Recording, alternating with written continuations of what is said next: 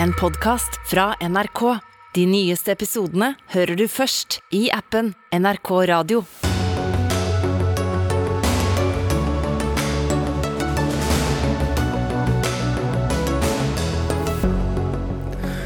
Norge er i ferd med å bli Europas usolidariske drittsekk som tjener seg styrtrik på krigen i Ukraina, mener kommentator. Men vil Jonas Gahr Støre være med på EUs ønske om mer solidaritet? Russiske medier kritiserer krigen i Ukraina, og lokalpolitikere ber Putin gå av. Kan være begynnelsen på slutten for presidenten, mener Iver B. Neumann. Høyres nestleder Tina Bru har fått varsel fra skatteetaten angående pendlerbolig. NRK har avdekket at fem personer i tre generasjoner var registrert på leiligheten med ett soverom. Og karakteren seks er ikke lenger en sekser, mener forsker. Hevder at så mange får toppkarakter at vi nå bør innføre karakteren sju. Ja, det er noen av sakene i Dagsnytt 18 den eh, tirsdagen, der vi også tar kritikken av mediene fra Dagsavisen Hege Ulstein, eh, fordi vi ikke har dekket utviklingen av Barneheia-saken godt nok. Men eh, vi begynner med et, med et varsel. Det blir en tøff høst. Det var det du som sa på Arbeiderpartiets landsstyremøte i dag, statsminister Jonas Gahr Støre. Hvem er det som får det tøft? Det er en del i Norge som har det tøft nå, som har økte eh, priser når de går og handler, som opplever at eh, renta er på vei opp, og som er usikre om det som ligger foran dem. Og Det er jo det bildet vi skal møte, gi folk trygghet. Vi skal sørge for at de som er i en sårbar situasjon nå blir tatt godt vare på. Eh, vi skal komme gjennom med å ta vare godt på velferden vår, og vi skal fortsette arbeidet med å møte den klimautfordringen vi har. Og Da må vi gjøre noen eh, valg, fordi vi ikke lenger er i en situasjon at vi bare kan øse på med oljepenger. Vi har inflasjon i Norge nå. Det er noe norske politikere ikke har håndtert på mange, mange år. Og Det betyr at vi må holde igjen. Så det er tøft for en del der ute. Jeg er opptatt av at det ikke skal bli tøffere. Renta skal ikke gå opp pga. budsjetter vi legger fram. Og så er det tøft når du har som tilnærming at vi må gjøre en del omfordeling. For skal vi dekke inn en del av det vi nå må betale for i form av strømstøtte til husholdninger. Vi har 26 000 flyktninger fra Ukraina i Norge nå. Vi styrker forsvaret vårt, vi tar vare på folketrygden. Så skal vi også bygge oss på omfordeling at de som har hatt gode tider og, og har klart seg veldig bra, de må bidra mer. Og det ja. blir også noen tøffe valg. Eh, hva vil du nedprioritere i det kommende budsjettet? Vi har sagt at en del av det vi klart ønsker å gjøre, og det vi, nå er det ett år siden valget, da hadde vi jo mange ambisjoner vi ville gå i, i gang med. En del av det må vi sette på vent. Hva da? Eh, bygg, eh, veistrekninger, eh, en del slike store prosjekter. En del satsinger hvor vi hadde ønsket å legge mer penger inn for å stimulere. Det betyr ikke at det blir avlyst, men når noe blir viktigere av saker vi må gjøre, jeg nevnte de mm. regningene vi skal betale, Pluss at det er egentlig slutt på den tiden at vi bare kan hive på oljepenger. Vi har et handlingsrom som er med, selv om vi har dem, mm. og det er en eh, kommunikasjonsutfordring. Mm. Nei, for Da er vi inne på dette temaet som vi skal drøfte med to eh, kommentatorer etter at eh, du har, du har gått, nemlig at vi tjener svært mye penger på norsk gass uh, i Europa. Uh, det har lenge vært et eh, ønske fra EU, i hvert fall snakk om, å innføre eh, et tak på gassprisen. Og du har jevnlig kontakt, og har hatt nylig kontakt, med EU-kommisjonens leder Ursula von der Leyen. Blir dette taket noe av? Det ser ikke ut som EU har landet på det forslaget. Det diskuteres rundt om i medlemslandene, men EU-kommisjonen har jo ansvaret for å se hvordan fungerer handelen i Europa. Eh, hvordan skal Europa håndtere det at russisk gass nå blir borte? Det er jo, problemet er at det mangler gass. Det er jo det som er det store utfordringen for våre strømpriser også, blant annet. Men heldige Norge har jo masse gass som vi selger til EU, og EU ønsker at den skal bli billigere. Er det noe jo. vi kan eh, bli med på? Men siden 1970, da Norge fant olje og gass, så har vi solgt øh, olje og gass på de prisene som er ute i markedet. Det er ikke jeg som selger gassen, det er de selskapene som får lov til å operere på norsk sokkel, betaler høy skatt, så selger de. Jo, men du sitter jo som en stor ja. aksjonær f.eks. i Equinor, som, som selger gass. Jo, så du jeg... kan jo påvirke det selskapet du, du er med. Men så langt så er tilbakemeldingene fra EU, som jeg oppfatter det, er at de ikke har slått inn på det med å sette et pristak. fordi at konsekvensen av det kan være at det kommer mindre gass til Europa, og det tror jeg er det de frykter aller mest. Husk på det. I vår så kom det mindre russisk gass til Europa. Nå kommer det nesten ikke russisk gass til Europa, og Norge er den største gassleverandøren til mm. Europa. Og Det jeg får høre av mine kolleger, er at nå er det et demokratisk, forutsigbart land som har økt gassproduksjonen med 10% ikke kuttet den. Og det er der vi ønsker å være. Så har jeg denne dialogen med europeiske ledere og EU-kommisjonens president om hvordan Norge kan bidra til at vi får stabilitet. Det er ikke i norsk interesse å ha den ustabiliteten, den krigsøkonomien de beskriver i Europa nå. Men er det i norsk interesse å ha et tak på gassprisen? Nei, jeg tror konsekvensen av det vil være at det kommer mindre gass til Europa. Og det tror jeg er et dårlig valg. Men det er, uh, er sikkert en rekke andre ting vi kan diskutere. La meg legge til, jeg har invitert de selskapene som selger gass fra norsk sektor til et møte uh, torsdag morgen for å diskutere noe som nå går som en diskusjon i Europa om å få en lengre type kontrakter, som er kontrakter som varer lengre, og som kan bidra kanskje til å stabilisere prisene. Slik var det før. Dagens, med dagens høye pris. Ja, men da kan det også hende at det, på, det kan også hende at, de, at det påvirker de prisene. Men la meg bare gjenta, det er ikke i norsk interesse å ha den ustabiliteten som er nå. Jeg hadde mye heller sett at de prisene stabiliserte seg, gjerne på et lavere nivå. Det hadde også vært bra for de prisene du og jeg betaler for. Mm. Det er mulig at dette ikke er nytt for deg, men bladet Energi og klima eh, har fanget opp eh, og kommet ut eh, med det akkurat nå for noen minutter siden, at ikke det lenger er aktuelt med, med pristak på, på, gass. Jeg sa det at det ser ikke ut som det er den veien det går, så det er også inntrykk jeg får. Jeg har, får jo mm. er folk som følger godt med på dette. Men derimot så er det snakk om innføringen av en såkalt solidaritetsavgift på kull, gass og olje. Hva mener Norge om det? Nei, Dette er jo ting EU-landene diskuterer. Hvis vi, eh, Norge er ikke medlem av EU. Diskuterer vi Norge, så har jo vi også omfordelingsprinsipper. Nå betaler vi en stor strømstøtte til husholdningene. Eh, og Da har jeg sagt det er rimelig at de som har hatt gode tider og tjent gode penger, er med på å bidra til å betale for at vi kan få det regnestykket til å gå opp. Og Det er en diskusjon som nå også går i eh, Europa. De ønsker å innføre, det er mange kontakter mot oss nå, hvordan er det vi har innrettet vår strømstøtteordning. Norske familier bruker jo tre ganger mer strøm enn en europeisk familie i gjennomsnitt, fordi vi varmer husene våre med strøm.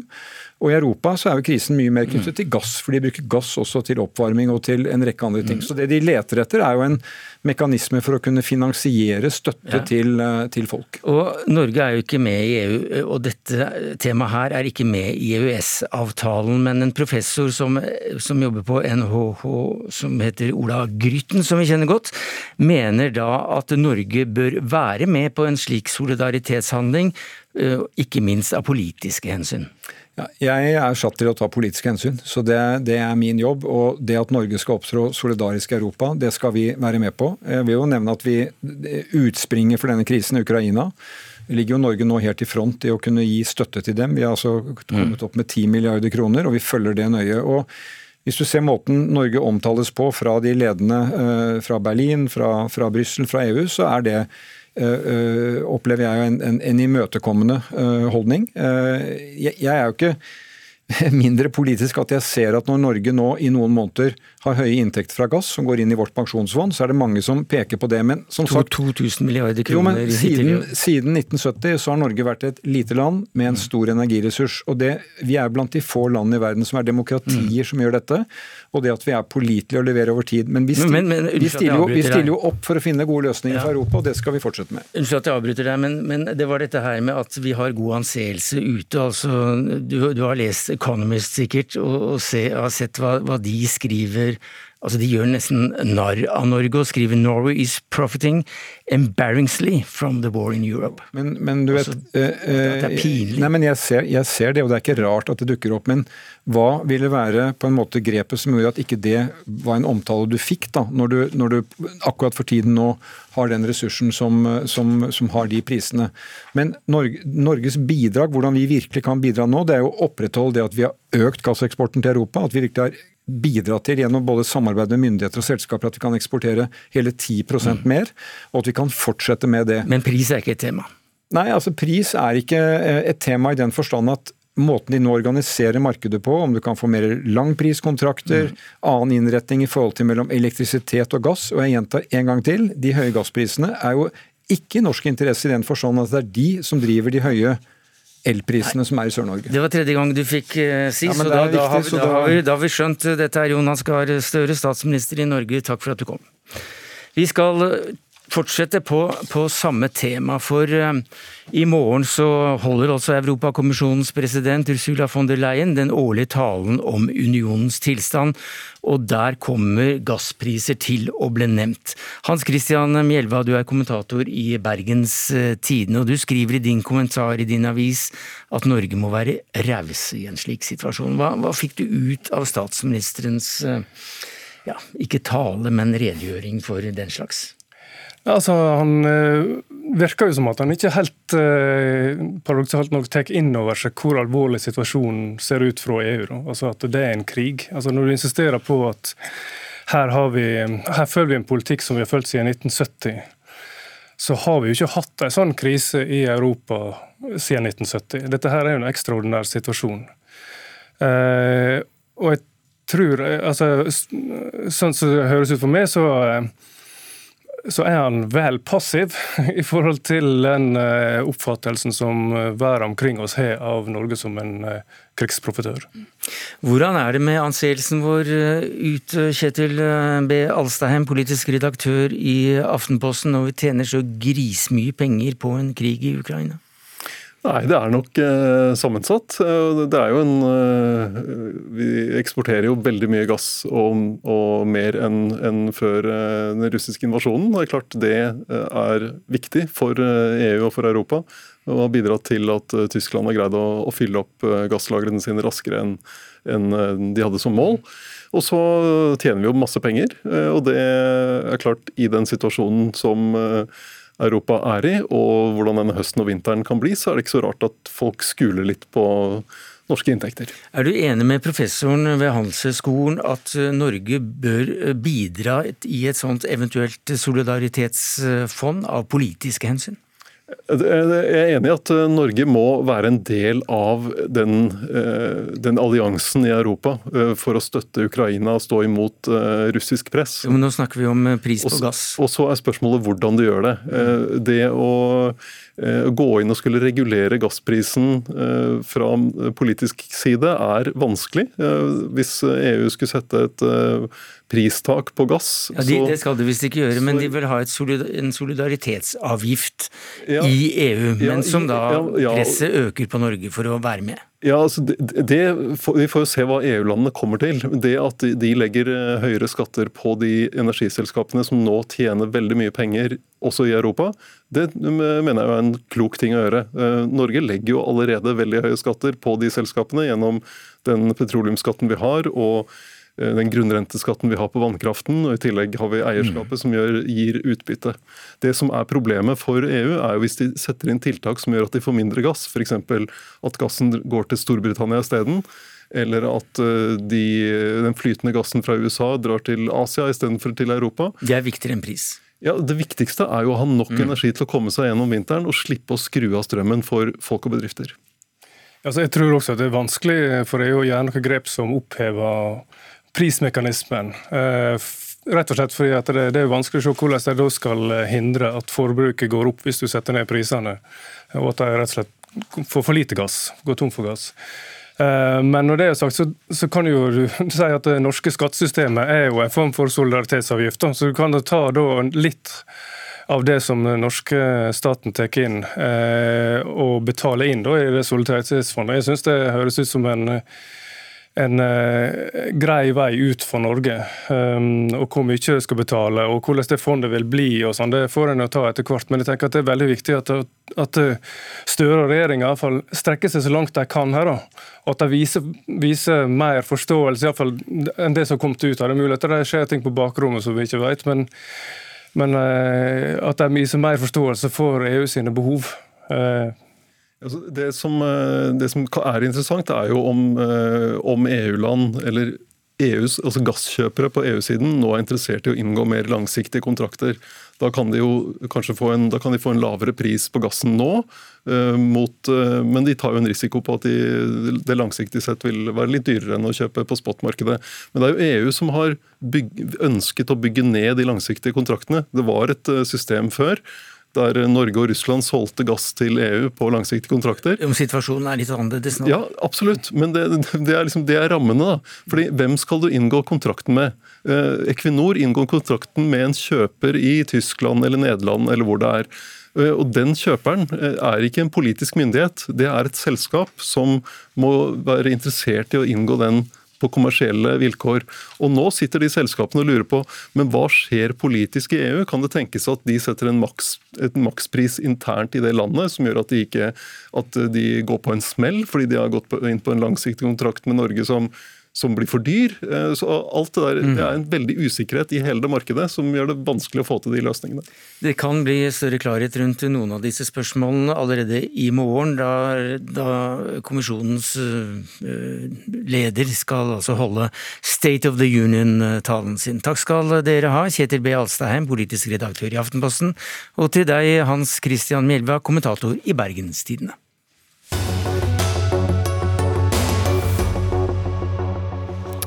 Ja, I dag så ble altså ytterligere 3000 lærere tatt ut i streik. Og flere elever har allerede gått glipp av 10 um, av uh, skoleåret, skriver Utdanningsnytt. Så er spørsmålet da, hva som er viktigst, streikeretten for lærerne eller barns rett til utdanning. Og dette er jo da et dilemma som den norske staten må håndtere. Og en del av den norske statsforvaltningen, det er vel deg, Inga Beiereng, som uh, barneombud. Hva mener du om dette? Jeg er et uavhengig ombud da, som skal følge med på mye. En del myndighetene. ja, ja, da jeg er det. Jeg er i hvert fall betalt av staten. Eh, jo, altså Det som er grunnen til at vi nå har uh, tatt til orde for at vi må vite litt mer om hva som foregår, det er jo at akkurat nå så er det et økende antall elever eh, og foreldre som står i en svært fortvilt situasjon ved at barna ikke har muligheten til å gå på skolen. Vi får uh, stadig, og det er økende henvendelser inn til oss, og det gjelder i all hovedsak eh, elever som har et, en eller annen form for sårbarhet. Det dreier seg mye om en eller annen form for funksjons, funksjonshemning, eller barn med store lærevansker som trenger mye spesialundervisning, eller barn kanskje som har psykiske helseplager. Og det vi ser, og de meldingene vi får inn, er jo at mye kan tyde på at det i hvert fall er store geografiske forskjeller på om disse elevene blir fulgt opp under streiken. Så det vi gjorde i forrige uke, var at vi nå så oss nødt til å ta kontakt med Kunnskapsdepartementet og be om at de innhenter en oversikt om hvordan rammer streiken de særlig sårbare elevene nå. For, hva, hva sier FNs barnekommisjon om dette? Altså Det som eh, har, tror jeg kommet ganske tydelig fram i det offentlige ordskiftet nå, at uh, elevene har, og det snakket vi om under pandemien, de har en, det er en rett til opplæring, en, en, som er grunnlovfestet. Og så har også lærerne en streikerett. Så det er det som gjør det krevende. Mm. Det er to rettigheter som man skal balanseres mot hverandre. Og det er jo helt åpenbart nå at når lærerne streiker, så er det gjort et inngrep i elevenes rettigheter. Og, og det er kanskje på mange måter et større inngrep enn det var under pandemien, fordi det ikke gis noen form for undervisning eller oppfølging fra lærerne. Eh, og det som vi, og det tror jeg nok at vi som sitter her er veldig enige om, er at det som myndighetene må gjøre nå, sentrale myndigheter, at de kan ikke lene seg tilbake og tenke at dette er en, en, en, en sak mellom, uh, mellom, kommunene og lærerorganisasjonene. Mm. De plikter å følge med på og sette inn kompenserende tiltak. og Det er der jeg er mm. bekymret. Jeg lurer på hva er de kompenserende tiltakene mm. som er satt inn? Regjeringen uh, kommer ikke hit til oss i dag for å snakke mm. om dette her, men det gjør du du, Anette Hemgeby, det er vi glad for. Du er førsteamanuensis ved Institutt for rettsvitenskap og styring på, på, BI. Og du har skrevet en kronikk i Klassekampen om konflikten mellom barns rett til utdanning og streikeretten. Det er riktig. Eh, hva slags dilemmaer er det vi står overfor der? Vi har jo i utgangspunktet her to grunnleggende, fundamentale rettigheter som har vern både i norsk lovgivning, gjennom eh, ordinære lover, Grunnloven og internasjonalt vern. Eh, på streikerettens side så eh, er den eh, For det første følger den av arbeidstvistloven, og så har den eh, grunnlovsvern gjennom paragraf 101, altså den er innfortolket og, i i eh, organisasjonsfriheten. Og så følger den også av EMK, e europeiske menneskerettighetskonvensjonens artikkel 11, og av andre internasjonale eh, traktater og konvensjoner som vi er forpliktet mm. til å overholde. Men, men hvilke, hvilke, hva veier tyngst her, da? Hva, hva skal krysse foran? Ja, det, det er akkurat det som er så utfordrende. Fordi at barns rett til opplæring har jo også et veldig sterkt vern. Eh, så på samme måte som, eh, som, streikeretten har et vern både i lovgivningen og i internasjonal rett, så har også barns rett til opplæring det.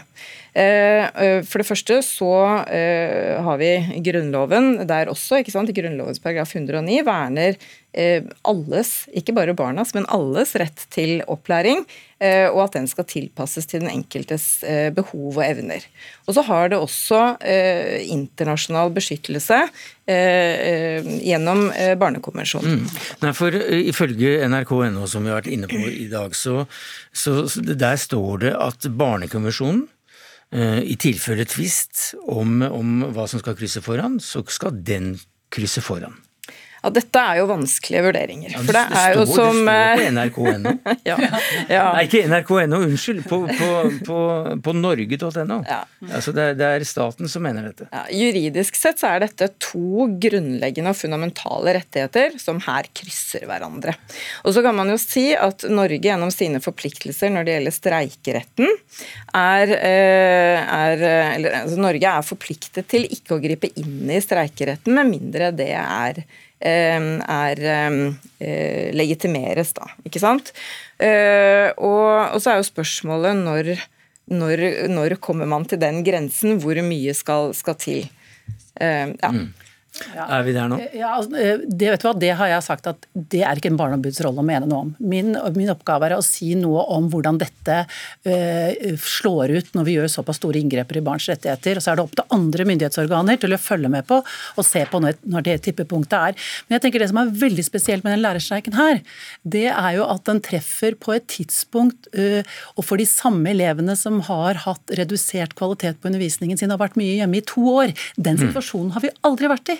Så dette krever jo at myndighetene nå, altså nasjonale myndigheter, følger tett med på det, hvordan dette slår ut. Derfor, og jeg er redd for at myndighetene nå ikke har nok oversikt over hvordan slår dette ut for de gruppene som trenger det. Og, eh, og jeg må jo si at eh, jeg, jeg stusser jo litt på uh, litt mangel på offentlig oppmerksomhet. Det, og, og hva, det, det, kanskje du svarer på, hvorfor det ikke er mer oppmerksomhet rundt denne streiken? Du, jeg, jeg, er egentlig ikke med i debatten, ja, men det er du, Ingrid Beiereng, barneombud. Takk skal du ha for at du kom. Og Anette Hemmingby, førsteamanuensis ved Institutt for rettsvitenskap og styring ved BI. Takk skal dere ha.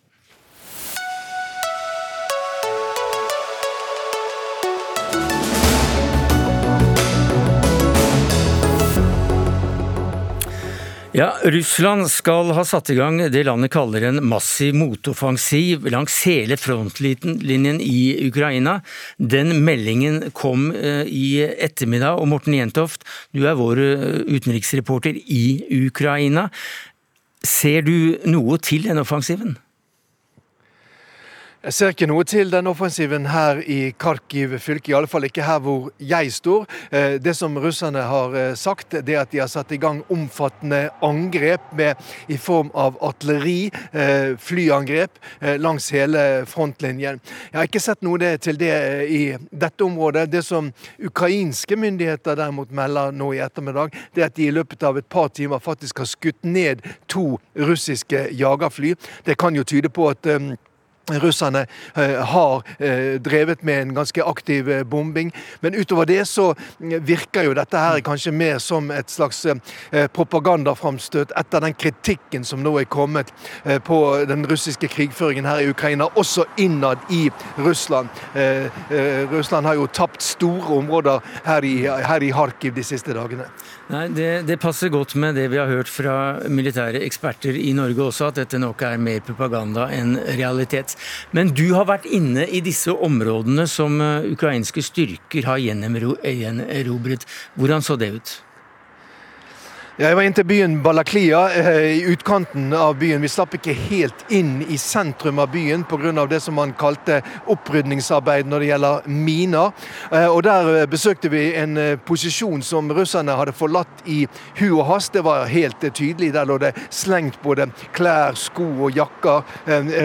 Og det var helt tydelig at de russiske eh, styrkene hadde fått beskjed om å, forlate denne posisjonen veldig raskt. Eh, det var et sterkt syn å komme inn i dette området her. Dette var jo da nær frontlinjen som har vært i nesten seks måneder, eller som har vært i over seks måneder her i Harkiv fylke, mellom de ukrainske regjeringsstyrkene og de russiske eh, okkupasjonsstyrkene. Massevis av ødelagte hus, jorder, den fruktbare jorden i Ukraina som ikke er dyrket pga. krigen. Sånn at det er jo selvfølgelig et et enormt arbeid som gjenstår nå for ukrainske myndigheter eh, for å, eh, for å få bygge opp igjen det som nå er ødelagt. Takk skal du ha, Morten Jentoft i eh, Ukraina. Groholm, du bare venter på å komme deg inn til Russland og, og Moskva, men, men, er her foreløpig. Og du har sett på akkurat det som Morten Jentoft skildret, nemlig at kritikk kritikken mot krigen øker også innad i Russland og i russiske medier. Hva er dette? Ja, Det er veldig interessant, fordi de siste dagene så er flere russiske fjernsynskanaler, da særlig denne uavhengige fjernsynskanalen Nezavizemaya Nei, unnskyld, eh, jo, Nezavizemaya, Televinje, den tilhører Gazprom. Eh, de, har hatt, eh, de hadde en debatt hvor det kom kritikk mot Putins politikk fra to kanter. Den ene var jo de som er kritiske til hele krigen, bl.a. En, en tidligere parlamentariker, som sa at Putin ble villedet av sin egen etterretning når han startet denne krigen, at det er en krig som er umulig å vinne, eh, og at man snarest bør inngå i fredsforhandlinger. En annen av de som kritiserte fra samme hold, sa at man kan ikke vente at ukrainerne skal hilse oss velkommen når vi ikke anerkjenner dem som nasjon. Og så hadde du da på den andre siden de som mener at Eh, russiske myndigheter bør gå fram enda tøffere enn de gjør, eh, og, og kanskje bør mobilisere, massemobilisere reservestyrker. Mm. Det kan være snakk om opptil to millioner mann. Så kritikken kommer fra flere hold. Det oppsiktsvekkende er jo nå at den framføres også på TV. Eh, I tillegg så har det også vært artikler i aviser som har vært kritiske. Ja, og Samtidig så har flere lokalpolitikere bedt Putin om å gå av. Hva er det for noe? Ja, Det startet i St. Petersburg i forrige uke med en gruppe på sju lokalpolitikere som ikke bare ba ham gå av, men ville uh, tiltale ham for landsforræderi, og skrev et brev til nasjonalforsamlingen, Dumaen, om det. Og så har uh, en del lokalpolitikere i Moskva sluttet seg til, og etter hvert også fra flere andre mindre steder, i hvert fall et førtitalls mennesker. Iver B. Neumann, du er direktør ved Fridtjof Nansens institutt på Polhøgda, og du har flere bøker om russiske forhold på, på samvittigheten. Hvilke slutninger trekker du av, av tonen, endring i tonen i mediene, eh, og at lokalpolitikere faktisk har bedt Putin gå? Det aller første jeg tenker er jo at eh, demokratiet har sine fordeler. Der tar vi de diskusjonene først. Når så det eventuelt blir krig, så blir jo legitimiteten altså at man aksepterer at det er en krig og følger opp, adskillig høyere. Her kan altså alle mulige motforestillinger bare arte seg som protest i eftertid, og det er jo ganske traurige greier. Men eh, vi har jo visst at det har, har, har ulmet i Russland mot krig fra begge de retningene som Gro Holm nevner. Og Det at det kommer opp, syns jeg er oppsiktsvekkende når man tenker på den prisen disse menneskene kanskje vil måtte betale for denne motstanden. Undertrykkelsen har økt fra uke til uke i Russland. Det er ikke så lett å, å, å slippe unna med dette, selv om man har et etablert mm. land. Mm. 200 000-300 000 mennesker, mange av dem svært mot krigen, har forlatt landet osv. Så, videre. så dette er ja, oppsiktsvekkende. Men hva kan det være et tegn på? Det er, altså, så vidt jeg kan se, regimeslitasje. Eh, altså, dette er jo en vil tippe at dette for mange russere fremstår som meningsløst. Altså Ukrainere, ok, man har alltid gjort narr av ukrainere.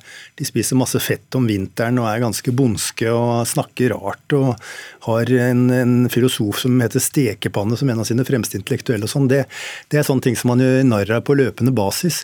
Men at man skulle gå til krig med dem, tror jeg fremstår som ganske aparte. Og når det da ikke går gærent, så skjønner man det ikke så stort. Og da må jo ansvaret plasseres der alle russere til de fleste tider har plassert ansvaret, nemlig hos enten hos inkompetente eh, mellombyråkrater, eller, og da smeller det i balltreet, hos lederen selv.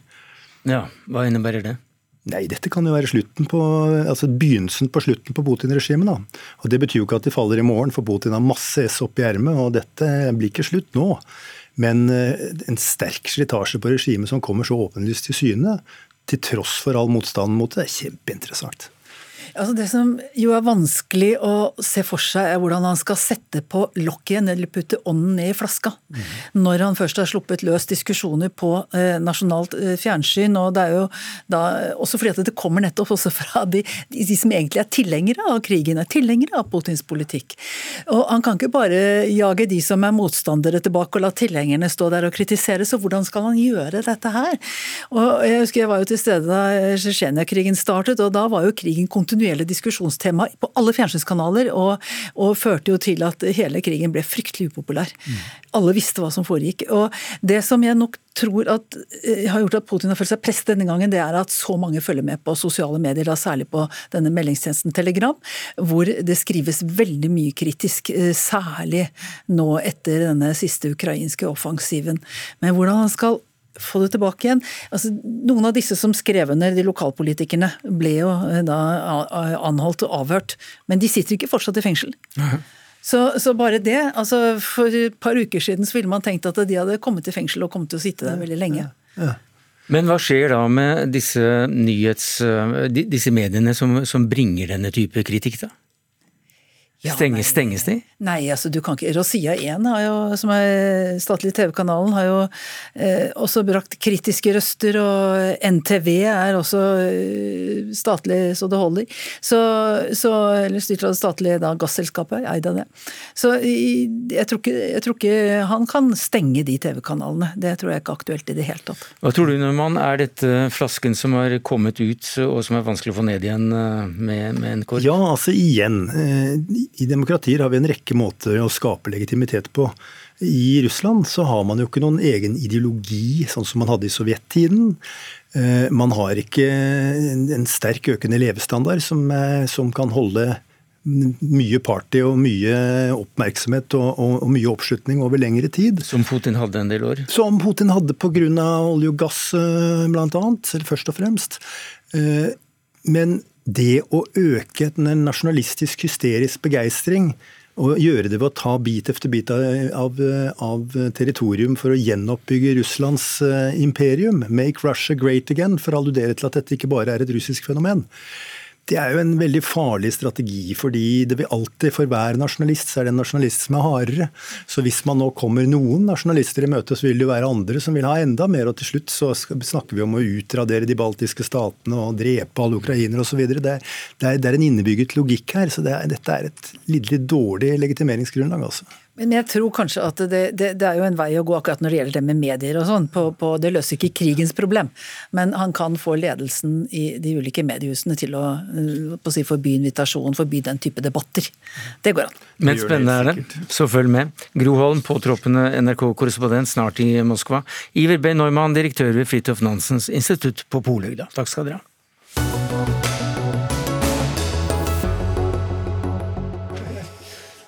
Ja, NRK har avdekket at uh, nestlederen i Høyre, Tina Bru, er blant politikerne som har fått varsel om skattesmell fra skatteetaten. Uh, vi har både med oss en skatteekspert uh, og Tina Brus egen juridiske rådgiver her i studio. Men først til deg, Lars Nehru Sand, du er politisk kommentator i NRK. Hva er saken? For å ta det som er uomtvistelig, så har da Tina Bru eh, vært en av de 45 som har mottatt et varsel fra skatteetaten om at eh, etaten vil vite mer om hennes eh, skattemessige forhold knytta til pendlersituasjonen. Det varselet er jo ikke i seg selv det samme som et vedtak, og det er da dialog mellom en av Høyres viktigste politikere og skatteetaten om dette forholdet. Så er det særlig tre ting som, eh, som, er interessant ved dette, og som belyser nok kanskje også sider ved flere av disse pendlersakene, eller pendlerboligsakene. Det ene handler om Tina Bru har hatt store nok utgifter eh, ved sin bolig som hun har leid av sine foreldre i Stavanger. Det er en eh, liten leilighet hvor hun da eh, har leid den av foreldrene, samtidig som foreldrene også har vært folkeregistrert den, i den samme leiligheten, hvor de jo ikke har kunnet oppholde seg mm.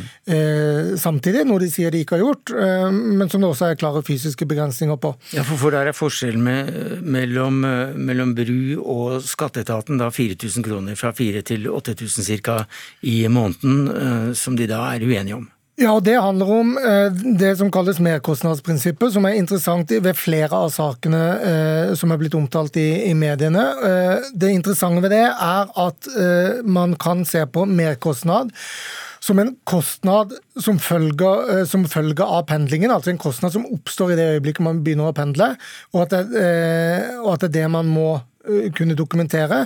Den andre måten å se det på er at det må være en kostnad utover det mm. som er markedssituasjon. og Da kommer det plutselig et tak, eh, nei, et gull for når eh, skatteplikten kan inntreffe. og Det vil da kunne føre til at Tina Bru har betalt for lite i skatt. Hun bestrider at så er tilfellet, men skatteetaten tolker sitt eget mm. regelverk på den Men dette er den eneste saken for så vidt som Bru da har med, med myndighetene om denne, om denne, saken? Det er det eneste som er et forhold mellom Tina Bru og staten. Men det som er interessant, er at det er flere eh, sier det er altså flere saker hvor dette er tilfellet, og Stortinget og statsministerens kontor, uavhengig av Brus eh, spesielle sak, mm. mener at skatteetaten tolker dette regelverket eh, feil. og Det har eh, allerede vært omtalt. Så det er tre ting med, nei, to ting til med denne saken som, som er en god illustrasjon på kompleksiteten i dette.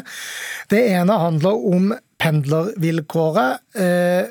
og om det holder at Tina Bru kan dokumentere en kontrakt at hun har hatt utgifter i form av eh, bankutskrifter, og at hun har hatt nøkkel å kunne disponere denne leiligheten som hun vil, eller om hun også må forklare mer rundt det forhold at det er to husstander som har disponert den samme mm. leiligheten, om det har noen skattemessige konsekvenser eller ikke. Tina Bru mener ikke. Ja, hun, skriver, hun, skriver, til NRK unnskyld at avbryter hun skriver til NRK at, at uh, hun oppfyller pendlervilkåret og er kritisk til at NRK sier at hun ikke gjør det. Ja, Det er vel fordi eh, dette kan jo det kunne Tina Bru eller andre i Høyre sikkert redegjort bedre for, men, men jeg tolker vel eh, Høyre dit hen at de mener at eh, deler av NRKs journalistikk hviler på eh, noe tendensiøs fremstilling av de faktiske forhold, og ikke minst da Brus intensjoner, eller til og med kanskje mm. også planlagte planmessighet i å eventuelt skulle oppnå fordeler mm. som, som følge av dette regelverket. Jeg ville bare si det, det tredje juridiske prinsippet her som skatteetaten også eh, har med i sine vurderinger, er det som kalles nærstående prinsipper, som eh, mm. handler om da leie mm. mellom eh, eller innad i en familie. Hun leier av sine foreldre. Og da er det en diskusjon om eh, om det kun inntreffer det skattefritaket eh, hvis hun hadde vært enslig pendler, og om det da vilkåret bortfaller når hun pendler med sin mm. familie eh, og ikke bor alene. Vi inviterte selvfølgelig både henne, altså, altså Bru selv, eh, og Erna Solberg, som også har kommentert denne saken og sier at Brus status som pendler ikke er å, å betvile. Men eh, de takket nei, eller kunne ikke. Men Bru sier i et skriftlig svar til oss at det kun handler om nivået på merkostnadene, altså om husleien var høy nok eller ikke. Hun har god tro på at hun og skatteetaten skal bli enige om saken, at det ikke er grunnlag for å endre skatten hennes, men at hun vil betale om det blir et vedtak på det.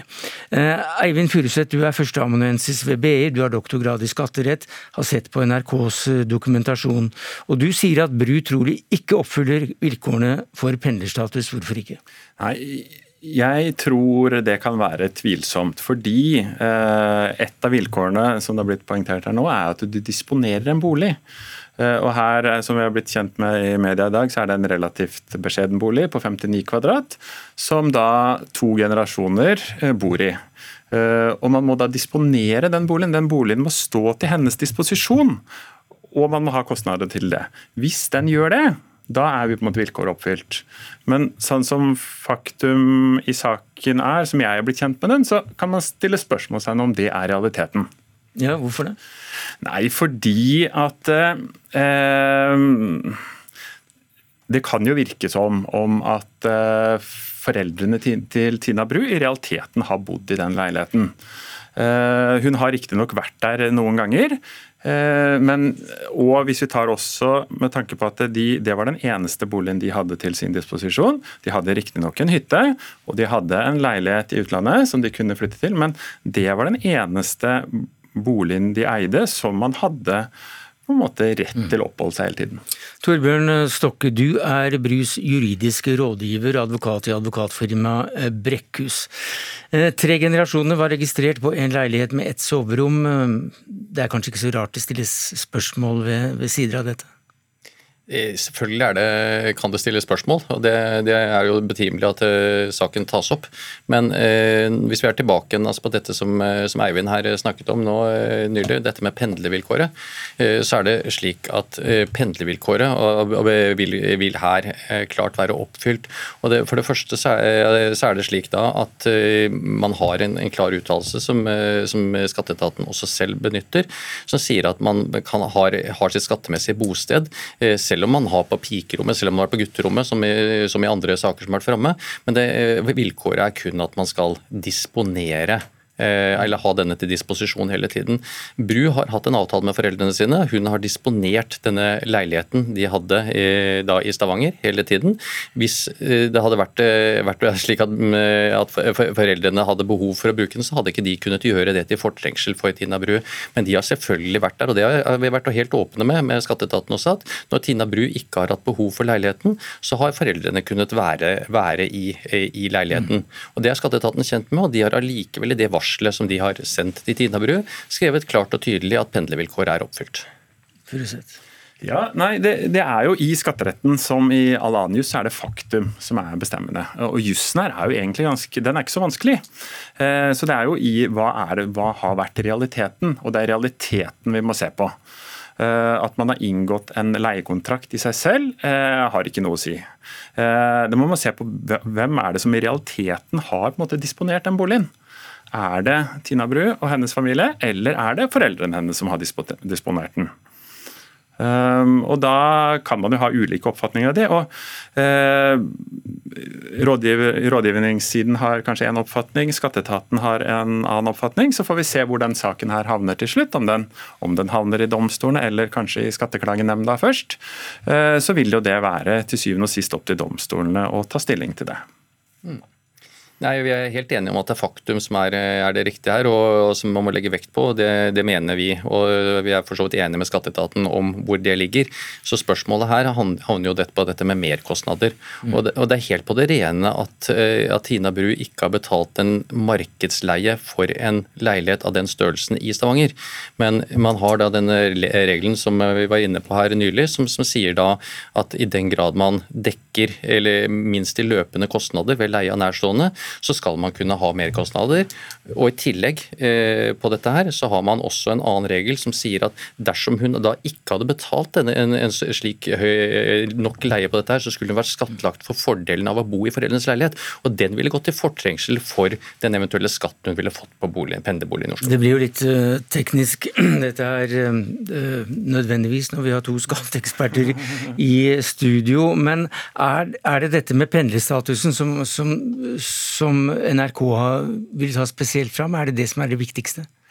Det som er det viktigste i hele dette sakskomplekset eh, generelt, og den omfattende dialogen og, og nå jusmaten da mellom eh, Stortinget og SMK på den ene siden og skatteetaten på den andre, det er jo eh, juridiske miljøer begge, på begge sider av streken her, med presumptivt god kjennskap til skatteretten og ikke minst da pendlerreglene i særdeleshet. Det handler om dette merkostnadsprinsippet, som ikke handler om politikernes regler i det hele tatt, men som vil gjelde enhver pendlende eh, i Norge. Og, eh, og, om man da har utgifter i, eh, etter da den årlige vurderingen til Statistisk sentralbyrå om hva som er markedspris på det, på det området du leier. da. Er det i så fall konsekvenser for en nestleder i Høyre? Det er jo opp til sakens alvor, og også hva hun aktivt selv har gjort og, og ikke gjort og, og vurdere, så er nok hennes posisjon i partiet også sånn at en, en tabbekvote kanskje er større enn for, uh, for mange andre. Uh, men det er veldig tidlig å si jo også om dette i det hele tatt er uh, i strid med regelverket, all den tid skatteetaten heller ikke har konkludert. Og det er en ganske omfattende brevveksling pågående mellom Stortinget og SMK og skatteetaten. Takk skal du ha, Lars Nehru Sand, politisk kommentator kommentator i NRK, Eivind Furuseth, førsteamanuensis ved BU, og til deg, Torbjørn Stokke, advokat i advokatfirmaet Brekkhus.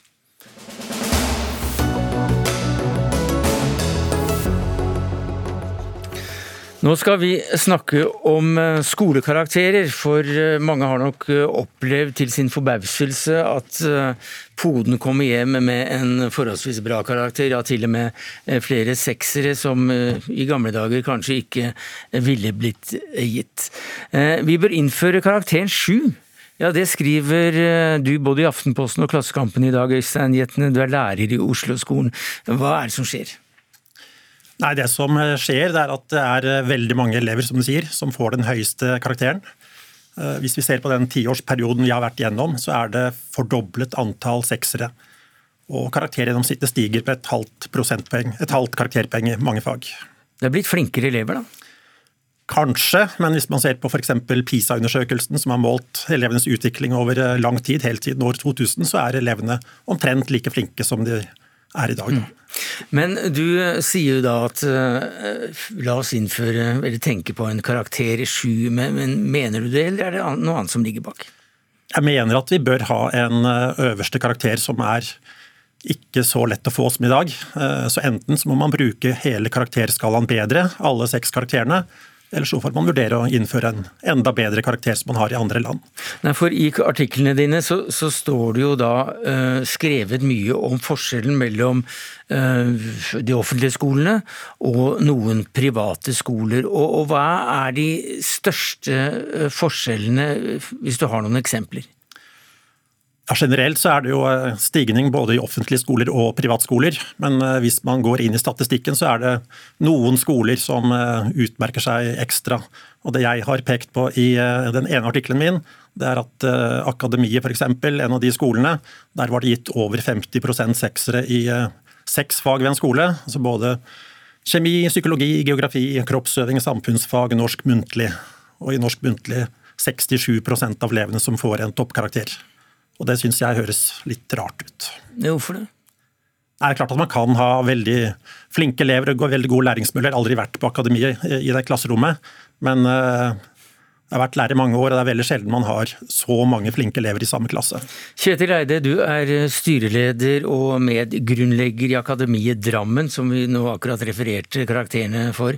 Og våren 2022 så ga dere minst halvparten av elevene, altså toppkarakteren 6, i fagene kjemi, psykologi, geografi, kroppsøvning, naturfag og samfunnsfag. Eh, forstår du at det kan virke litt pussig? Jetne presenterer i dag akademiet sine oppsiktsvekkende gode resultater både i Klassekampen og i eh, Aftenposten, og nå her på Dagsnytt 18. Eh, og Akademiet har i elleve år vært Norges beste skole på Utdanningsdirektoratet sin elevundersøkelse. Og nå eh, dokumenterer Jetne at Akademiet også er Norges beste skole når det gjelder rene karakterer. Mm. Det, er mye, det, er det, er mye, god reklame i dette her, men Ja, det er vi veldig glad for at han får ja, fram så ja. tydelig. Eh, men er det eh, Du setter jo spørsmålstegn ved om dette faktisk også er reelt? Ja, Vi har jo ikke noen gode systemer eh, for å kontrollere om prestasjonsnivået er sånn som karakterene her beskriver. For Her snakker vi om gjennomsnittskarakterer, som jo har vært det grunnleggende prinsippet nå i flere år pga. pandemien. Ja, og eksamen har jo falt bort de tre siste årene. Skolen har kunnet sette karakterer litt ut fra egen lyst, holdt jeg på å si. da. Og det er jo litt rart i Norge at man eh, overlater til lærerne å sette standpunktkarakterer. Så man gir jo da karakterer til egne elever og bestemmer selv resultatene som skolen skal få. Ja, man skal være sterk i ryggen for å, å selge strikkmetervis. Altså Forklaringen på de gode karakterene er veldig enkel. Eh, og først og fremst, Den er, den er flerdelt, men den er først og fremst er det fordi elevene er veldig flinke når de begynner. De har gode karakterer med seg inn. Eh, så viser skolebidragsindikatorene til Utdanningsdirektoratet at vi klarer å løfte elevene i tillegg. Og Da blir resultatene eksepsjonelt gode. Men hva slags det er ikke noe rart med disse resultatene. Ikke noe rart med resultatene, men du kunne da ønske deg eh, noen mekanismer som kunne ettergå eh, de prinsippene som, som privatskolene, f.eks. Akademiet, da har. Hva slags mekanismer kan vi få som gjør at vi kan bli tryggere på resultatene? Det vi har hatt i veldig mange år, det er eh, eksamensordningen med skriftlig, muntlig eksamen. Men det er klart den er heller ikke helt vanntett. Forskning har vist fra både Norge utdanningsdirektoratet og i Sverige at privatskoler har lett for å gi enda litt høyere karakterer enn de offentlige skolene, sammenlignet med eksamensresultater. Og Nå er det jo skummelt hvis det er en tendens som er forsterket, det vet vi ikke men eh, skummelt er det. Men Det er et politisk spørsmål, så å si. Men tilbake til disse mekanismene. Hvor man kan man kontrollere at elevene får en riktig standpunktkarakter? Det er eh, vanskelig. Nå har vi fått nye læreplaner, nye vide, vage mål. Uh, liten veiledning fra Utdanningsdirektoratet når det gjelder hvilke karakterer som skal gis på ulike prestasjoner. Uh, og det har også vært veldig få lærersamlinger uh, på tvers av skoler. Eh, og nå vet jeg ikke om læreren på akademiet snakker mye med lærere utenfor akademiet, privatskolekjeden, men eh, det kan jo hende at det er mange milde eh, lærere på akademiet, tenker jeg da. Men et av forslagene som jeg ser du kommer med, det er videoopptak av muntlige situasjoner? Det stemmer. I Finland så har de det systemet ved offentlig eksamen, også for å sikre elevenes rettssikkerhet. Det er klart at Hvis man hadde videoopptak av muntlig eksamen, så kunne skoleforskere på en helt annen måte finne ut om karakterene er rettferdige. Og det vet vi ikke sikkert i dag. Eide, er det en eh, god idé å begynne med videoopptak av muntlige situasjoner? Ja, Det er også et forslag som Elevorganisasjonen har, tidligere har foreslått, så det, jeg er positiv til det. Eh, men eh, her har jo ikke Øystein Jetne gjort leksene sine. Fordi Eh, han har ikke sett på forskningen skikkelig. Han viser til forskning fra Utdanningsdirektoratet og NIFU, men den viser jo tydelig det står jo I begge de forskningsrapportene som det er henvist til, så står det jo tydelig at det er ikke grunnlag eh, for å se at det er forskjell i eh, vurderingspraksis i private og offentlige skoler. og med Norges beste læringsmiljø, så er det ikke underlig at elevene lykkes. Nei, Men uh, hva da med eksamen til uh, våren? nå? Er det, frykter du at det blir en stor forskjell mellom uh, muntlige og eller mellom standpunktkarakterer og, og eksamensresultater? Nei, det er alltid litt forskjell mellom st Større? Nei, det er ikke det. Det er ikke noe vi frykter. Takk skal du ha, Kjetil Eide, styreleder og medgrunnlegger i Akademiet Drammen. Takk til deg, Øystein Jetne, lærer i Oslo-skolen.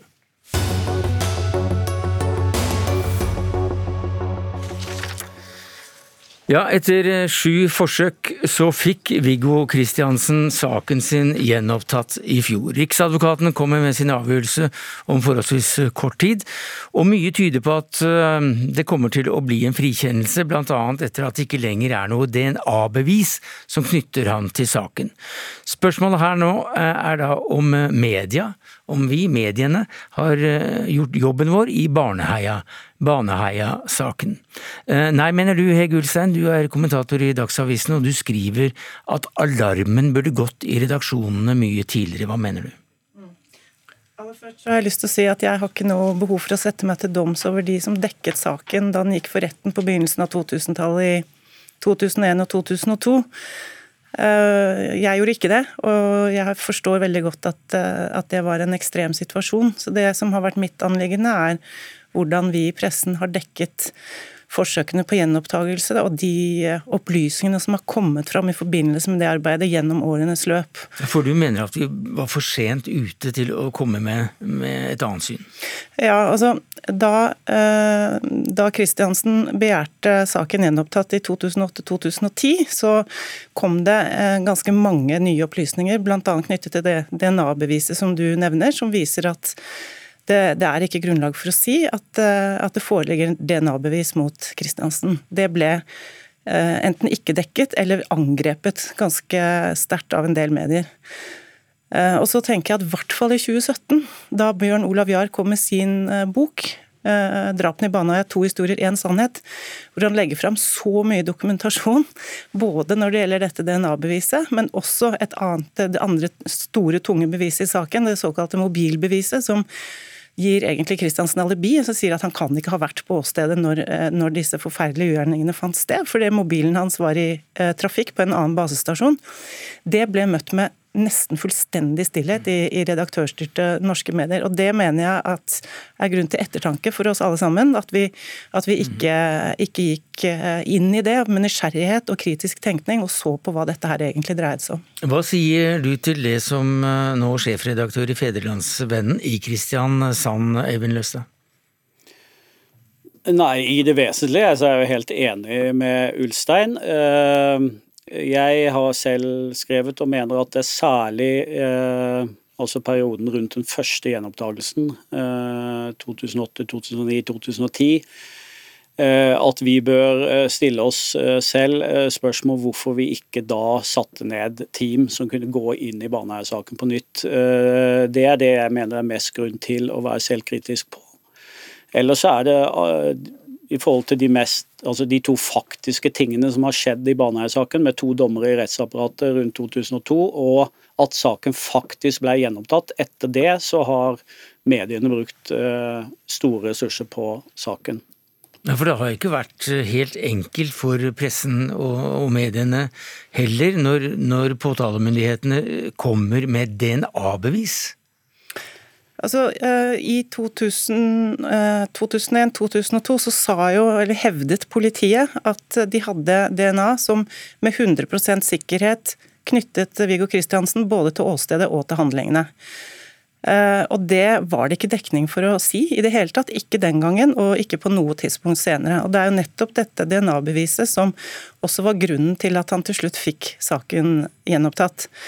Men jeg tror at når vi skal forhåpentligvis gå gjennom med, kritisk gjennom denne, denne, saken nå i ettertid, eh, i, tiden framover, så håper jeg at vi klarer å gjøre litt mer enn å Jeg syns vi skal være selvkritiske. Jeg syns vi skal eh, gå gjennom hva vi har gjort feil og, og se på det med åpne og ærlige øyne, men jeg håper også vi kan få en diskusjon om, eh, om, forholdene legger godt nok til rette for at pressen kan gjøre sin veldig veldig viktige oppgave som en kritisk eh, kontrollfaktor i, i, norsk rettspleie. Det handler om hva slags innsyn vi får i de dokumentene som retten har, hvor mye informasjon vi er, hvor mye vi er prisgitt lekkasjer.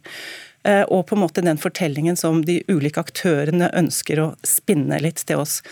Eh, I andre land så har journalister mye mye bedre tilgang på, på dokumentene i saken. og Jeg tror at Baneheia-saken er et dessverre ganske godt eksempel på at det kanskje kunne gått annerledes hvis vi hadde hatt andre regler for det i Norge.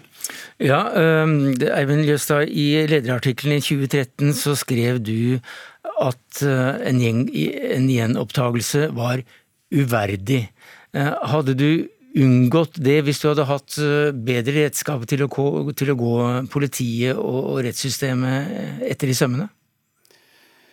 Ja, nå var vel, handla den lederen mer om at øh, øh, altså Kritikk om at man kunne holde på og holde på øh, og begjære saken gjenopptatt. Uh, og som jeg har sagt, med det vi vet nå, så står jo ikke den lederartikkelen seg eh, spesielt bra. Eh, samtidig minne om at journalistikk er ferskvare. Akkurat som når Ulstein og jeg kommenterer Baneheia-saken nå, så gjør vi det ut fra det vi eh, vet og mener nå.